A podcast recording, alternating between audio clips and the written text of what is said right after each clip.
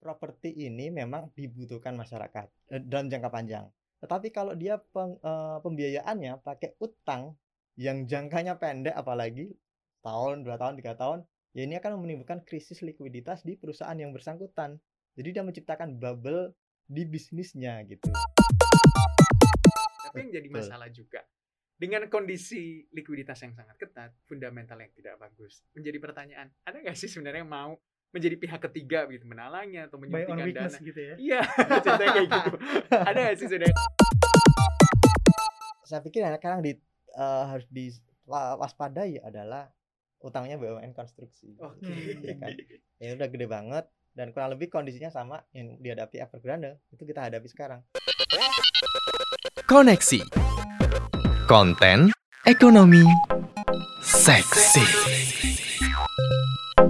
Selamat pagi, selamat siang, selamat sore, selamat malam Sobat Cuan. Kembali lagi tentunya di Cuap-Cuap Cuan dalam segmen Koneksi Konten Ekonomi Seksi. Ada saya Gibran. Dan saya Bram. Dan saya Argun. Nah, tentunya di hari ini kita akan membahas seputar konten ekonomi seksi. Apa sih sebenarnya yang lagi diperbincangkan oleh global, utamanya mungkin global ya, karena kita hmm. ketahui yang kita akan bahas ini adalah soal isu global. Ini terkait dengan Evergrande yang disebut-sebut itu bisa menjadi sebuah bom waktu. Bahkan kita lihat beberapa hari terakhir ini tuh menjadi sebuah katalis negatif, bahkan negatif banget bagi pasar, utamanya mungkin uh, di New York atau di iya. Straits Times tentunya juga kita lihat dan beberapa pasar-pasar lainnya juga termasuk indeks harga saham gabungan kita. Seperti apa sih sebenarnya Bung Argun kalau kita lihat dengan bom waktu yang diberi hmm. nama Evergrande ini? Ya, sejak lama itu beberapa kalangan sudah memperkirakan akan ada uh, bubble gitu. Cuman hmm. kita belum tahu bubble-nya di mana. Mereka berspekulasi mungkin akan ada di kripto, mungkin ada di Cina salah satunya dan mungkin ada di Amerika Serikat. Nah, ketika ada sinyal bahwa satu perusahaan besar di uh, di Cina, Evergrande ini kan perusahaan properti terbesar kedua dari sisi sales di Cina. Itu menyatakan mereka kemungkinan akan kesulitan gagal bayar menurut S&P gitu. Uh, mereka merating setiap perusahaan di sana.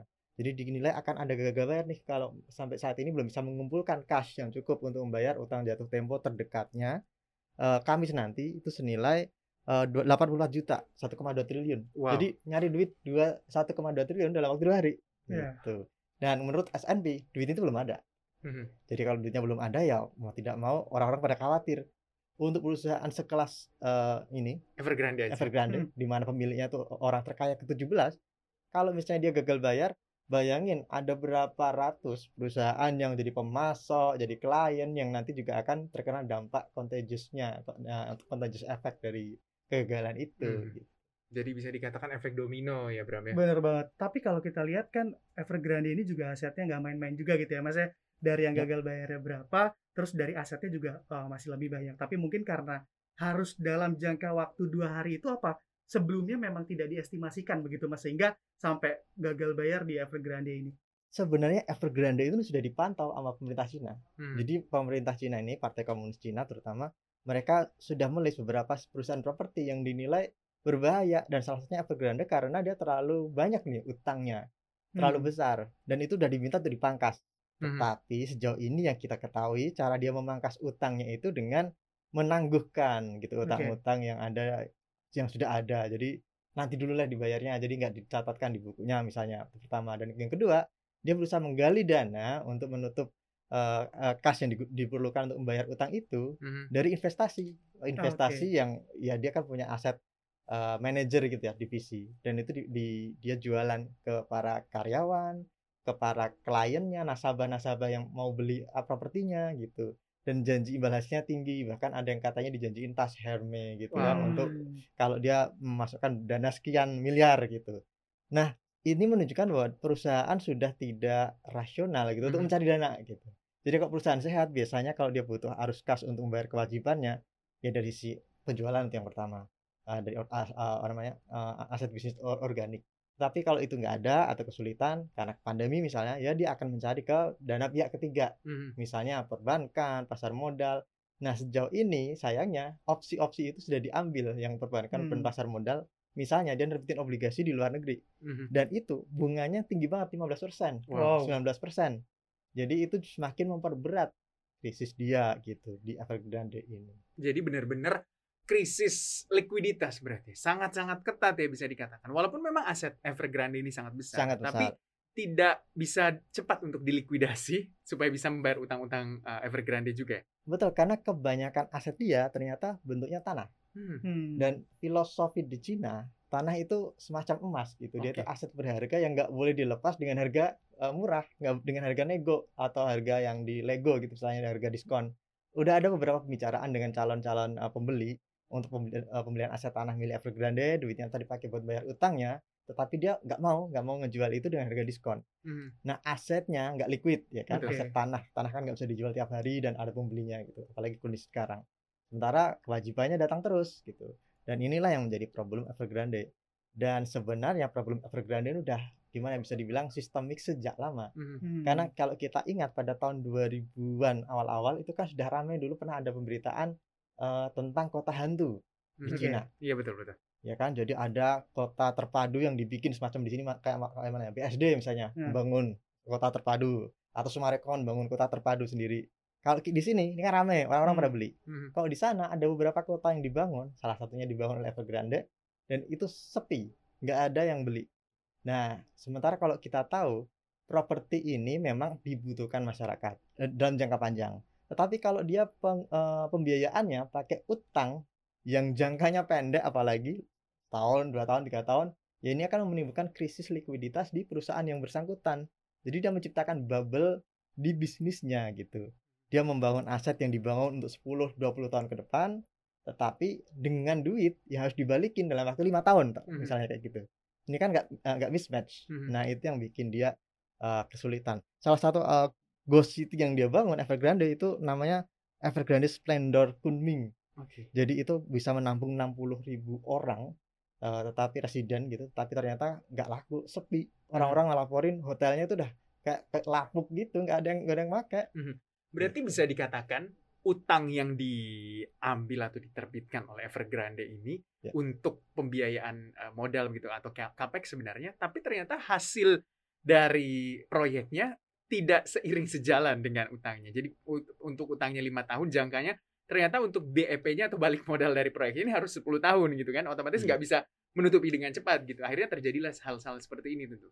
Apalagi pandemi. Mhm. Ya. Jadi ketika pandemi orang beli properti kan nanti dulu, ya kan Ya. mending saya pegang cash dulu ya kan mengantisipasi kondisi gitu. Dan mereka belum berani ber- beli-beli yang ya sifatnya eh, jangka panjang dan bunganya mahal. Ya ketika properti sekarang lagi sepi, sementara Evergrande punya aset-aset yang banyak tadi itu dan gak kejual, sementara dia bangun pakai utang, ya otomatis ya ada krisis likuiditas lah yang terjadi di perusahaan ini. Dan Evergrande ini harus jadi pelajaran untuk emiten-emiten di Indonesia juga. Gitu. Hmm. Anda-anda yang banyak mengeluarkan Ya. utang dan mismatch gitu ya antara Apalagi penerimaan. obligasi korporasi gitu. Iya, itu harus benar-benar hati-hati gitu. harus Benar. hati-hati. Harus mulai-mulai saatnya ya rapi-rapiin lah, kurang-kurangin gitu. Bener banget, Mas Argun. Tapi kalau kita lihat ataupun kita lihat datanya kan kalau di Cina ini untuk sektor properti sendiri kontribusinya ke PDB eh, lumayan besar gitu ya. Bahkan hingga lebih dari 25% kontribusinya ke PDB. Nah ini kira-kira apa sih Mas yang terjadi di sana sehingga juga Evergrande ini juga dampaknya juga lumayan besar begitu di China. Eh, sektor properti itu secara natural memang sektor yang menggerakkan sektor lain. Jadi turunannya itu banyak. Betul.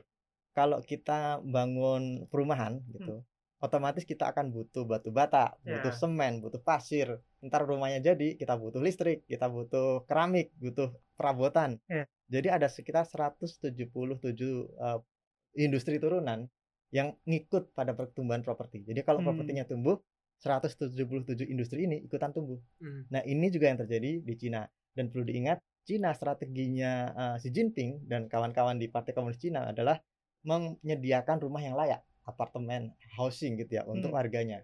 Dengan cara itu dibangun dulu. Kotanya belum ada orangnya, udah dibangunin dulu karena dia udah punya plot. Nanti ke depan ini akan dijadiin industri apa? Eh, Foxconn misalnya dulu pernah mau investasi, dia taruh di kota ini, kota yang sepi. Kemudian ketika ada 200 ribu pekerja yang diserap, otomatis apartemen yang dia bangun itu langsung dihuni gitu dan ada kehidupan di situ. Strategi Cina seperti itu dan Hmm. itulah yang bikin Cina pertumbuhannya selalu di atas 6% Hmm. ya karena dia propertinya dibangun terus otomatis permintaan besi baja sampai per- dia harus impor dari luar negeri itu juga meningkat pesat dan Hmm. inilah yang memutar perekonomian di Cina di Hmm. sana. Oke. Nah, kalau kita lihat lagi nih ya Mas Argun terkait dengan hal ini. Kalau yang saya baca-baca ini misalnya juga ada beberapa aturan gitu terkait dengan dari regulator China gitu karena khawatir gelembung perumahan bisa menyebabkan krisis yang bergema juga dan sistem keuangan China juga. Jadi akhirnya regulator China itu tahun lalu mulai menindak kebiasaan untuk meminjam di sektor properti. Bahkan ada bank sentral menciptakan aturan untuk tiga garis merah yang memaksa perusahaan properti itu harus benar-benar melunaskan utang-utang atau hmm. tunggakan mereka. Berarti bisa dikatakan Bank Sentral China itu sudah melihat dari jauh-jauh hari dari helikopter view bahwa ada indikasi akan mengarah ke sana kesulitan likuiditas utamanya bagi sektor properti. Iya, iya. Maka yang dua tahun terakhir mereka udah bersih-bersih, udah hmm. diingatkan. Ada uh, saya tadi sempat catat perusahaan yang uh, dia sudah sudah kolaps duluan, uh, namanya HNA Group. Hmm. Dia juga ngajuin bangkrut pada tahun 2017. Kondisinya kurang lebih sama, uh, dan ada 11 miliar aset real estate gitu ya yang dilepas ke pasar ya udahlah di lego-lego gitu hmm. dijual-jual murah dan sekarang gilirannya uh, si Evergrande ini hmm. tetapi problemnya uh, Evergrande ini terlalu besar hmm. makanya ada istilah too big to fail hmm. kalau misalnya pemerintah Cina menggunakan strategi stick ya hmm. uh, apa keras gitu ya lu harus segera lakukan ini itu ini itu ini itu kalau misalnya tidak hati-hati maka efeknya banyak hmm Karena itu tadi ada um, ribuan orang yang membeli aset uh, investasi di, di di wealth management dia. Ada uh, ribuan klien yang sudah bahkan membeli uh, properti yang belum dibangun gitu. Mereka mm-hmm. udah panjer duluan. Mm-hmm. Nah, uh, kalau misalnya ini tidak ditangani, maka yang ditakutkan oleh Partai Komunis Cina adalah pergolakan. Okay. Di masyarakat. Mm-hmm. Nah, itu yang, yang ditakutin kan itu. Kalau lawan politik mah nggak ada. Apa bisnis mah dihajar sama mereka ya kan. Mm-hmm uh, Jack Ma dipanggil sekarang udah manut udah nggak hmm. berani ini tuh ini itu. Tetapi kalau yang kayak gini tiba-tiba ada uh, risiko masyarakat bergerak gitu uh, atau protes nah itu yang tidak disukai oleh uh, partai komunis Cina.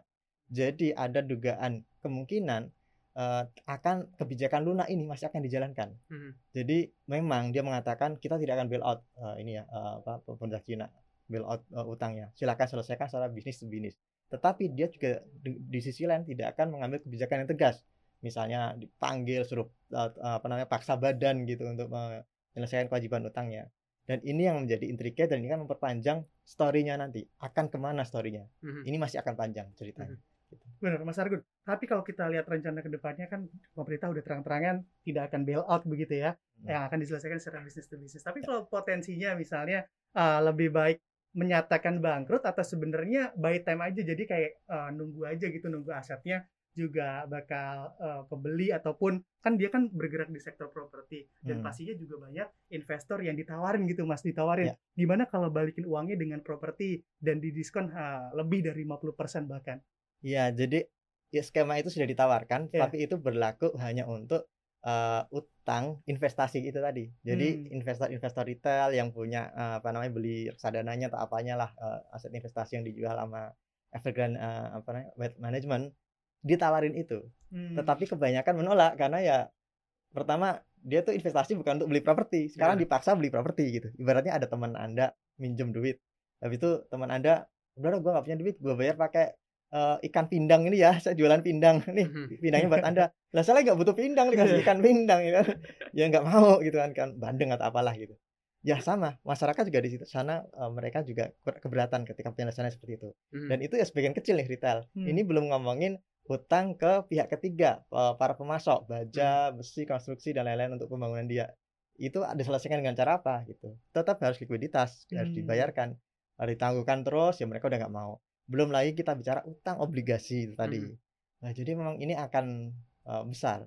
1,2 triliun ini saya pikir uh, dia akan mencari uh, mitra ketiga ini paling paling mungkin ya hmm. untuk masuk ke uh, ke perusahaan dia. Jadi akan beli, dia akan jual sahamnya dan mungkin mitra ini akan menyuntikkan dana hmm. dengan ekspektasi bahwa dalam waktu 2 3 tahun nanti ketika pandeminya selesai, ya bisnis properti udah kembali, kembali pulih, penjualan udah oke, okay, saat sembari mereka mengurangi utang-utangnya. Betul. Itu. Sebenarnya itu sih yang menjadi harapan bagi bisnis properti. Iya. Secepatnya yeah. pandemi berakhir agar demand permintaan properti kembali meningkat lagi. Tapi Betul. yang jadi masalah juga dengan kondisi likuiditas yang sangat ketat, fundamental yang tidak bagus, menjadi pertanyaan, ada nggak sih sebenarnya yang mau menjadi pihak ketiga gitu menalangnya atau menyuntikkan dana? Gitu ya? Iya, contohnya kayak gitu. ada nggak sih sebenarnya kalau mungkin dari riset Mas Argun melihatnya perusahaan-perusahaan yang lebih besar dari Evergrande di China yang mungkin saja nggak bermain di sektor properti selama ini tapi melihat eh ada barang murah nih bisa Hmm. dibeli nih Hmm. gimana Eh, mereka tetap pasti melihat apakah aset yang dimiliki itu aset yang eh, menjanjikan gitu. Hmm. Kalau misalnya kebanyakan aset itu tadi di kota-kota hantu, eh, ya mungkin mereka akan berpikir ulang untuk masuk gitu ya. Kalau kita bicara investor pasti banyak di sana gitu ya.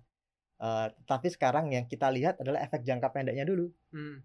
Dalam hari apa Senin sama Selasa kemarin kan anjlok-anjlok semua saham-saham properti dan para rekanannya rekanannya Evergrande itu cukup dijual juga Hmm. karena Hmm. takut investor takut wah ini rekanannya Evergrande Evergrande nanti ada apa-apa ini kena juga gitu ini yang sedang, kita lihat dan kita belum sampai tahap pada nanti siapa yang akan masuk gitu Hmm. nah ini eh, apa per- perkiraan ya banyak tetapi saya yakin kalaupun masuk blok barat kemudian tidak akan mau Hmm. masuk Hmm. ya kita bicara Morgan Stanley bank-bank investasi di luar negeri di Amerika Serikat kalau mereka dimintai bantuan nggak akan mau.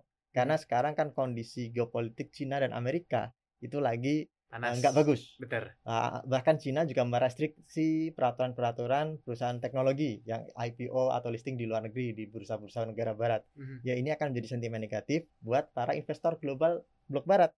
Mereka akan menilai ngapain saya bantu perusahaan anda lah? Anda sendiri juga bikin aturan yang mempersulit eh, kami untuk ya berekspansi di Cina ibaratnya gitu. Hmm. Kemungkinan yang akan menyelamatkan hanya perusahaan-perusahaan Cina sendiri Hmm. atau partai komunis eh, Cina sendiri Hmm. dengan skema yang mereka bikin gitu. Oke, tapi kalau misalnya dari Cina sendiri potensinya juga gimana sih Mas? Kan ini kan ada yang bilang bahkan analis bilang utangnya Evergrande itu bagaikan lubang besar hitam karena saking besarnya utangnya. Nah, iya kalau misalnya eh, Barat nggak mau masuk, kira-kira dari potensi Cina sendiri seberapa besar Mas? Ya kalau cadangan devisa kan Cina ya Betul. itu kan triliun dolar. Oke. ya. Jadi kalau dibandingkan dengan cadangan devisa negaranya masih jauh. Mereka utangnya kan berapa? 300 miliar ya yang yang yang secara total yang jatuh tempo tahun ini 124 miliar dolar. Ah, ya. Jadi ya memang relatif kecil jika dibandingkan dengan aset eh, negara Cina gitu. Tetapi kalau kita bicara apakah satu perusahaan ini layak ditolong oleh Betul. negara gitu, ini persoalan lain. Kemarin eh, si pemiliknya Evergrande ini kan pernah diundang Partai Komunis Cina di gala dinner. Ini menunjukkan bahwa PKC dengan eh, beliau ini itu punya hubungan yang baik Hmm. dan ini menimbulkan eh, spekulasi bahwa kemungkinan pemerintah Cina tidak akan ya tadi mengambil kebijakan stick kemungkinan kebijakannya carrot kebijakan yang apa namanya ya makanan lah dikasih yang enak-enak biar dia manut gitu Eh, tugas pertama memang udah dikasih kurangi utang anda tapi saya pikir nanti akan ada bantuan-bantuan dari pemerintah Cina untuk menyelesaikan eh, persoalan utang Evergrande ini karena menurut saya ini too big to fail dan efek contagiousnya akan ke mana-mana buat Cina sendiri Tapi kalau kita berkaca, misalnya, ini kita melihat ada beberapa yang mengatakan ini tuh bisa seperti mirip-mirip krisis 2008 kalau misalnya nggak ditangani dengan baik. Apa yang Hmm. terjadi di 2008 lalu bisa saja juga terjadi di 2021 ini akibat Evergrande ini. Kalau Mas Argun lihat mirip-mirip nggak sih sebenarnya case-nya kalau nggak ditengah- ditangani secara cepat gitu oleh mungkin ya pemerintah China salah satunya yang memberikan likuiditas Ya. atau talangan ya bisa jadi melu- lebih melebar ke mana-mana. dulu Lehman Brothers itu dia eh, asetnya 680 miliar itu Hmm. aset yang dikelola ya dan termasuk subprime yang Hmm. asetnya busuk tuh sementara dia modalnya hanya di 22 miliar dolar jadi antara dua-dua dengan 680 jauh banget Banget. ketika 680 ini bermasalah ya dua nggak cukup lah Ya. kayak kayak apa pasir kan nggak nggak kehitung lagi. Butiran debu. iya udah nggak nggak nggak ngefek Evergrande ini agak berbeda tadi 300 miliar separuh dari Lehman gitu ya kalau kita bicara soal ya liabilitasnya si Evergrande ini tetapi kita harus tanya lagi apakah ada efek contagiousnya Evergrande ke pasar luar negeri seperti Lehman dulu kalau Lehman dulu dia itu eh, ceritanya kan dia bikin eh, sekuritisasi aset Hmm. kalau di Indonesia itu kayak SMF lah sarana multimedia finansial Hmm. tapi bedanya SMF ini aset yang dikelola itu kan dia dari KPR-nya Bank BTN Hmm. yang bagus-bagus. Hmm. Nah, aset yang bagus-bagus ini dijadiin dikemas untuk jaminan bahwa dia ngeluarin obligasi. Mhm. Jadi dia saya mau ngeluarin obligasi satu triliun rupiah. Eh, jaminannya apa? Ini KPR KPR yang ada di B- eh, BTN Eh, ada 3 juta KPR misalnya dan itu rutin masuk terus gitu. Ya ini yang disekuritisasi. Lehman sebaliknya. Lehman itu dia ngambil KPR yang eh, sering nunggak Hmm. macet sering telat gitulah ya bayar-bayar Nah, makanya dibilang subprime gitu jelek dan dia kemas dia, dia terbitin uh, obligasi tujuannya mulia ya biar kalaupun ada apa-apa si penunggak itu nggak sampai disita gitu karena banknya sudah dapat talangan dari uh, pasar modal itu tadi. Hmm. tapi pada praktiknya Lehman itu kemudian subprime ini diputar lagi dijual lagi dijual lagi sampai ada banyak ratusan perusahaan yang terlibat di dalamnya yang ikutan megang. Sementara ketika dia semakin gede ini kan bola saljunya satu aja hancur ya yang lain kayak yaitu domino pada ambruk ambruk ambruk. Di Evergrande kita belum lihat itu sejauh hmm. ini tapi kan perkembangannya kita belum lihat semuanya jangan-jangan dari obligasi yang dia pegang itu ternyata ada yang pegang dari uh, Pelam Morgan Stanley dari Credit Suisse dan kawan-kawan nah kalau ini yang terjadi ya kita harus mulai hati-hati nih hmm. kalau anda punya portofolio di saham ya akan ada shock-shock yang akan anda hadapi gitu ketika itu sudah mulai kebuka ya tapi sejauh ini kita belum lihat itu. Ya, tapi kalau kita lihat di Lehman gitu ya Mas ya, kasusnya memang mereka kan nyari untuk uh, kreditur gitu ya yang ya. memang uh, banyak resikonya NPL tinggi karena memang untuk cuannya juga kan yang tinggi jadi resikonya juga makin iya. lagi. Hmm, hmm. Ya itu uh, yang dilakukan Lehman saat itu mereka ya ibaratnya kalau orang bilang yang kemaruk ya, greed. Yeah. Jadi mereka gitu. mereka udah besar, udah berdiri tahun sejak tahun 1800-an kan tapi tahun udah 150 tahun lah ibaratnya uh, mereka beroperasi tetapi masih merasa kurang dan menggarap bisnis ini dia beli satu perusahaan yang ngelola itu subprime dan diputar-putar lagi sama dia dan ya sampai kejadian gitu dan itu memang juga ada uh, kontribusi dari bank sentral saat itu dan so, mohon maaf sekarang kondisinya kurang lebih sama kalau kita bicara kontribusi bank sentral hmm. jadi bank sentral dulu dia tuh terbitin ya uh, pasokan likuiditas ke pasar itu besar saat itu kan juga kita masih baru pulih dari krisis uh, apa namanya dua, 2003 gitulah dari hmm. Asia ada efeknya hmm. tequila krisis di Meksiko dan lain-lain maka ya bank sentral ngasih stimulus ekstra untuk hmm. pasar sekarang bank sentral Amerika juga ngasih quantitative easing beli obligasi 120 miliar dolar jadi uh, investor-investor nih kalian-kalian misalnya investor megang obligasi dibeli sama the Fed dikasih duit terus anda punya duit harus saya putar ke mana ini hmm. Nah, duit ini hanya diputar-putar lagi. Hmm. Akhirnya terjadi kebanjiran likuiditas di pasar global. Okay. Ketika Lehman dulu ambruk, The Fed juga menciptakan likuiditas berlebih di pasar global. Sekarang ada likuiditas berlebih di pasar global. Tetapi apakah pemicunya adalah Evergrande sama seperti Lehman dulu?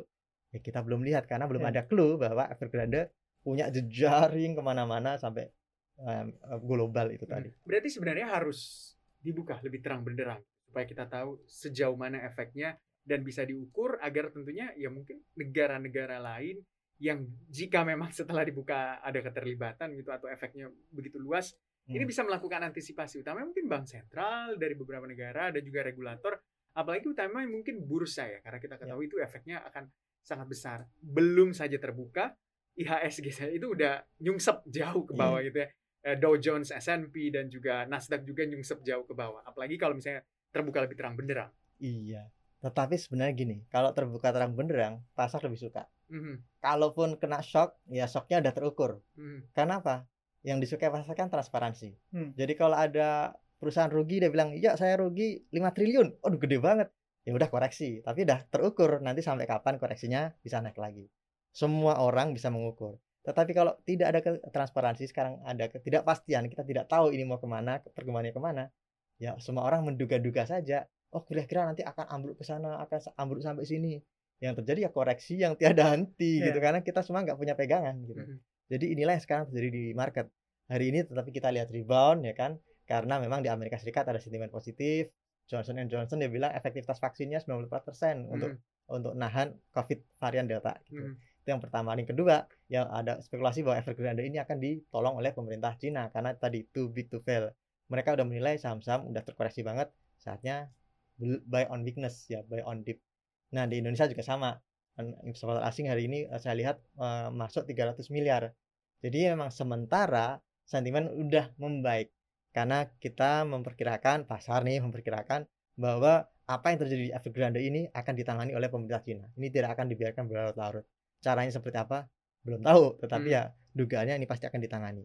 Tetapi ya itu tadi, ketika sudah ketahuan ternyata ada jejaring ke mana-mana, kita akan lihat koreksi lagi tapi pasar juga kemudian tahu oh nanti koreksinya hanya segini deh jadi cenderung bisa price in sebenarnya bisa price in ya, jadi ya, nggak nggak nggak pisau jatuh nah, tahu jatuhnya ke mana kalau misalnya ada apa-apa ya Nanti Share ya. lagi. itu dia. Ya bener banget tadi Mas Habib juga bilang harus apa ya harus pasar terus suka keterbukaan karena untuk antisipasi juga kali ya. Iya. Jangan sampai investasi dia juga bakal nyangkut juga. Dia nggak tahu Bener. arah ke depan mau kayak gimana. Jangan dia ah, ini tim nyangkut. Ya, Tapi kalaupun nyangkut sekarang agak keren. Lu Hmm. kenapa nyangkut? Karena Evergrande. Wah. Tapi bagi para traders atau mungkin para uh, scalper nggak ada di hidupnya yang ada cuma cuan dan uh, cut Cut loss. Cut loss, nah tapi kalau kita lihat lagi efeknya yang begitu besar sebenarnya kalau misalnya Hmm. ini begitu terang benderang. Apa sih sebenarnya kalau misalnya regulator Indonesia utamanya mungkin ya uh, BEI ya kita tahu pasar gitu supaya tidak Ya. terjadi crash yang begitu dalam terus juga uh, pemerintah khususnya mungkin regulator Kemenq terus juga Bank Indonesia atau Bank Sentral kita dan beberapa regulator lainnya harus mengantisipasi hal ini. Ya, saya pikir yang sekarang di eh, harus diwaspadai adalah utangnya BUMN konstruksi. Oke. Hmm, ya kan?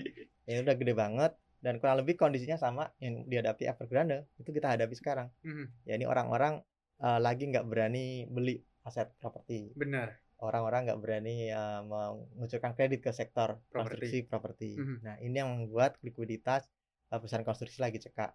Jadi ya memang pemerintah harus eh, memberikan eh, bantuan pernafasan Mhm, oksigen Oke. ya eh, tabung oksigen buat, bukan buat penderita covid tapi buat mereka BUMN karya ini dan para investor yang lagi pegang saham-saham BUMN karya juga mulai harus eh, cermat Mhm. pilih-pilih Eh, lihat eh, rasio utang mereka dan equity pantau terus apakah ada tanda-tanda mungkin mereka akan yaitu kesulitan Eh, rating agency selalu Benar. menerbitkan laporan mereka per bulan itu pantau terus Mhm. kalau ada dari Pavindo dari S&P dari Moody's nah itu jadi acuan kalau Hmm. mereka menilai BUMN konstruksi A misalnya atau B atau C ini sudah mulai eh, kesulitan belum menyiapkan dana untuk membayar obligasi satu bulan ke depan misalnya ya anda harus mulai hati-hati Ini sebenarnya menarik juga kalau kita uh, agak tarik benang merah walaupun nggak uh, case-nya mungkin sama sama-sama kesulitan likuiditas antara Evergrande dengan BUMN karya kita. Yang menarik juga kan misalnya ada beberapa BUMN karya yang mendapat kepastian restrukturisasi.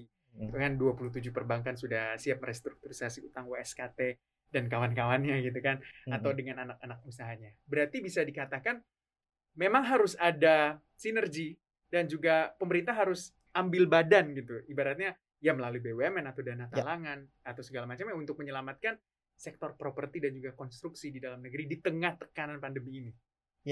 Eh, pemerintah harus siap untuk eh, sakit-sakit badannya Hmm. untuk membuat kapal yang berjalan eh, ini nggak oleng atau nggak tenggelam Mhm. ibaratnya gitu dan pemerintah Cina saya pikir juga dihadapkan pada opsi itu gitu Mhm. mau tidak mau tetapi mereka tidak berani untuk langsung saya akan tolong kamu Mhm. karena ini akan jadi presiden buruk Benar. wah di bail out berarti saya nanti Hmm. juga akan bisa ya Hmm. udah saya tetap aja kayak gitu misalnya yang lain-lain juga akan sampai ada itu. yang mau juga melakukan itu. nah itu dia obligasinya ditentukan gede-gedean dan katanya katanya sih pengelolaan di sana kurang bagus ininya dananya duitnya nah di Indonesia juga sama pemerintah Indonesia ini harus mau, mau bersakit-sakit caranya apa ya APBN pasti akan bengkak defisitnya utang akan semakin besar karena penerimaan pajak kita masih tertekan karena pandemi. Dan duitnya dari utang itu dipakai buat apa? Buat nolong nih BUMN BUMN karya yang lagi megap-megap perlu oksigen tambahan Hmm. sampai dengan pandemi selesai. Bisa setahun depan bisa dua tahun lagi.